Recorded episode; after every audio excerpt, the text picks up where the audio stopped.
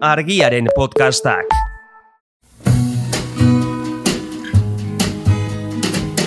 Don't know much about history.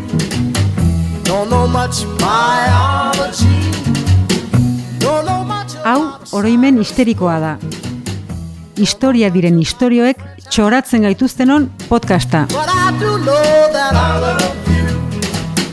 And I know that if you love me too, this would be. Don't know much about you. Haupa lagunak, hemen jarraitzen dugu eh, oroimen histeriko Summer eh, Edition, edo Alper Edition, oraindik ez du finkatu. Eta gaur, eh, udan, bueno, kalean eta askotan ikusuko dugun, eh, bueno, Lia gure Euskal Jaskera ofizialaren parte bilakatu den zerbait, batez ere gau paseroen artean. E, betaurreko baltzak. Hori da, betaurreko ilunak, Zer gertatzen da? edo Inventu eguzkitakoak, maravilloso horrekin. ba, ez zirela eguzkitarako asmatu, lehengo. Hori azteko. Baina egia da, nolabaiteko betaurrekoak, bueno, azkenan begi aurrean jartzen zituzten, eta egia e, historia aurrean asmatu zituztela, Hostia, bada dituzte urte batzuk, ez? inuitek, Inuitek? Claro, han eh, ez, e, elurrak eta izotzak, ez, e, Mm, bai. ba hori, e, argia islatzean eta, ez, euskalte handia egiten die zien begietan, eta eta ezurrezko, bolizko edo egurrezko maskara modukoak erabiltzen zituzten, erdian, e, begien parean, zirrikitu estu bat zutenak, Ah, tipo tximo baio eta, ez? E, bai, estilo hori, baina egia da, bai, bai, inuitak. bai, eta hori, e, eguzkiaren kontra, baina ez e, gau pasa egiteagatik, Mhm. edo, Bueno, Euskaloan ere, eh, inuita. ez dakigu, Zer egingo zuten, eh? bai, zaz erabiliko zuten. Hain, gaia gauak esaldia soluziak. Em, Batzutan. Batzutan, hori da. Bueno, U, ba, ju- precisamente udako gauetan, ez? claro. Eguzkia, ez? E, joaten etzen... E, Ba, pentsa, hain gau luziak eta gero eguzki ateratzen da bat baten eta dena da txuri eta islada, ba, normala. Normala asmatu izana. Bai. Baino, eh, esan dugun bezala, lente tintatuak edo, ez? Hau da, betaurreko ilunak ez ziren e, eguzkitarako asmatu, txinan asmatu ziren, amabigarren mendean, eta kuartzozko kristalak e, kez, ez? Kearen bidez e, iluntzeko teknologia garatu zuten, eta horrela, pues, lehengo betaurreko ilunak e, asmatu zituzten. Osea, anteojo ketuak, gazta bezala. Bai, Beira. bai, bai.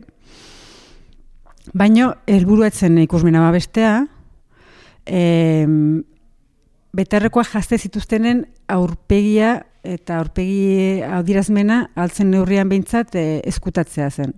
Osea, e, poker face, Hori da, poker aurpegia jartzea. oigo.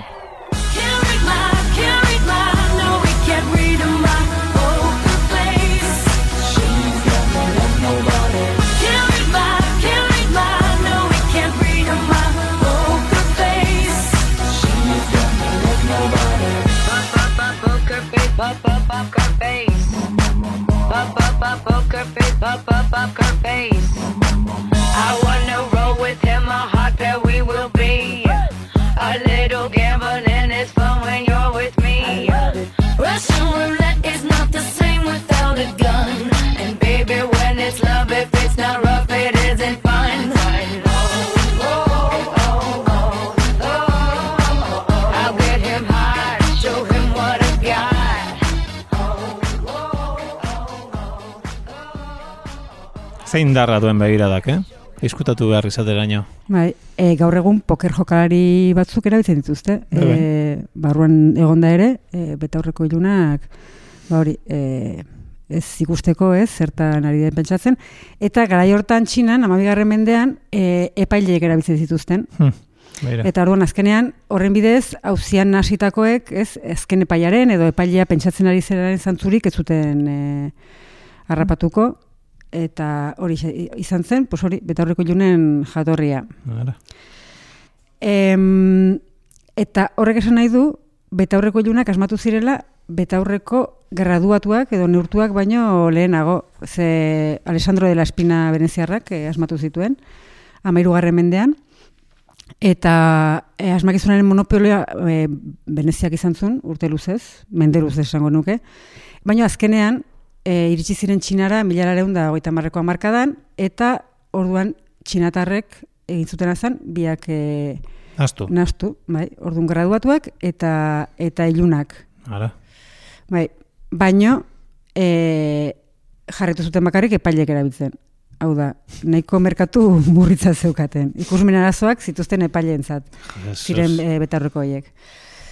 Gero ja, salto handi bat egin mango dugu, mila zazpiron da berrogeita mabian, James Aiskoff, e, optikari eta diseinatzaile ingelesak, e, tintatu zituen urdinez eta berdez, e, lente batzuk, ez, lehiar batzuk, eta horrekin esperimentatzen hasi zen, baina Zen modernoa bera, eh? Bai, Eh? bai, bai, baino ez, zen, ez ziren eguzkitarako. Beste ikusmen arazo batzuk e, konpontzen saiatu zen horrekin, Mm, eta benetan eguzkitako betaurrekoak eguzkitarako erabiltzen hasi ziren e, lehenak izan ziren sifiritikoak. sifilitikoak. Bai, sifilia zuten gaixoak, Bai. ez? Emeretzi garren mendearen amaieratik, hogei garren mende hasierara. E, bueno, eta si, zehazki sifiritiko aberatsak Oh, oso produktu garestia baitzen. Bai, bai, bai. E, sifiliaren sintometako bat da, ez, argiarekiko sentiberatasuna, fotofobia. Ara, ka- bai, noski. eta beraz, pos hori, e, azkenean, ez, e, betaurrekoei eman zitzaien gaur daukaten funtzioa gaixotasun beneroei esker. Bai, bai, bai.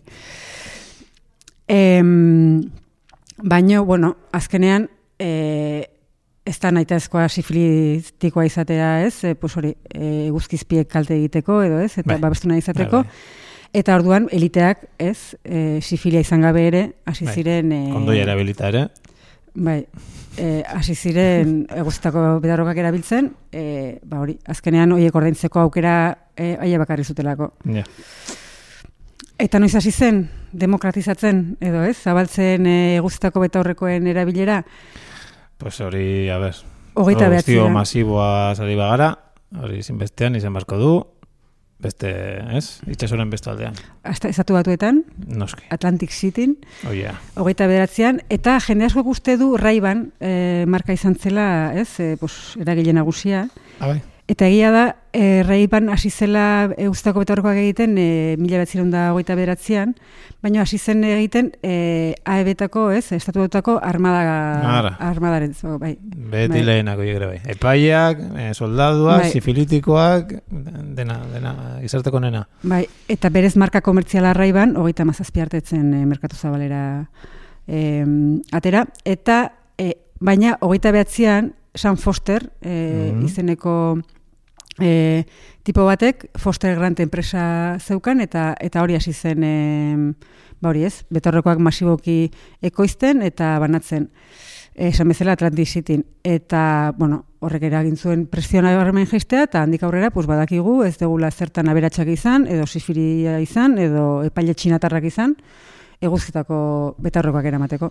Habitu zen ondo, ez? Horrela gau paseroek pentsatuko dute goiztean goiz, bain e, desaperzebitu eta pasatzen diela e, goiztetan, ez? Hori da, Betu zo pari egin zigun, e, na, san? Foster. bai, Foster San. Foster. San Foster. E, Uztako betaurreko historikoak eraman nahi baituzue, bueno, nahi baituzue egurrez edo ezurrez egin dizakezue, inuite bezala, baino e, Foster Grant e, markako betaurrekoak oraindik ere salgai daude. Ah, bada, egun Bai. urte eta gero. Bai, eta berriro ere hemen publizitate, doaineko publizitate egiten. Ja, hori kobratzen hasi barko dugu. Gu kapitalisten inguruan etengabe hitz egiten, eta guk ez dugu jasotzen, ez da, ez da, ez da, Hori da, en fin, bueno, e, oporren bultan pentsatuko hori. Jantzi betarrekoak eta lago zen e, bai, ondortea, hori da. oparranda, nahi gozuna. Itzaletiko beto. Argiaren podcastak. Podcast hau libre eta doan zabaldezakegu argiaren komunitatea osatzen duten milaka lagunek proiektua diruz babesten dutelako. Zuk ere kazetaritza independentea bultzatu nahi baduzu, egin zaitez argiako kide.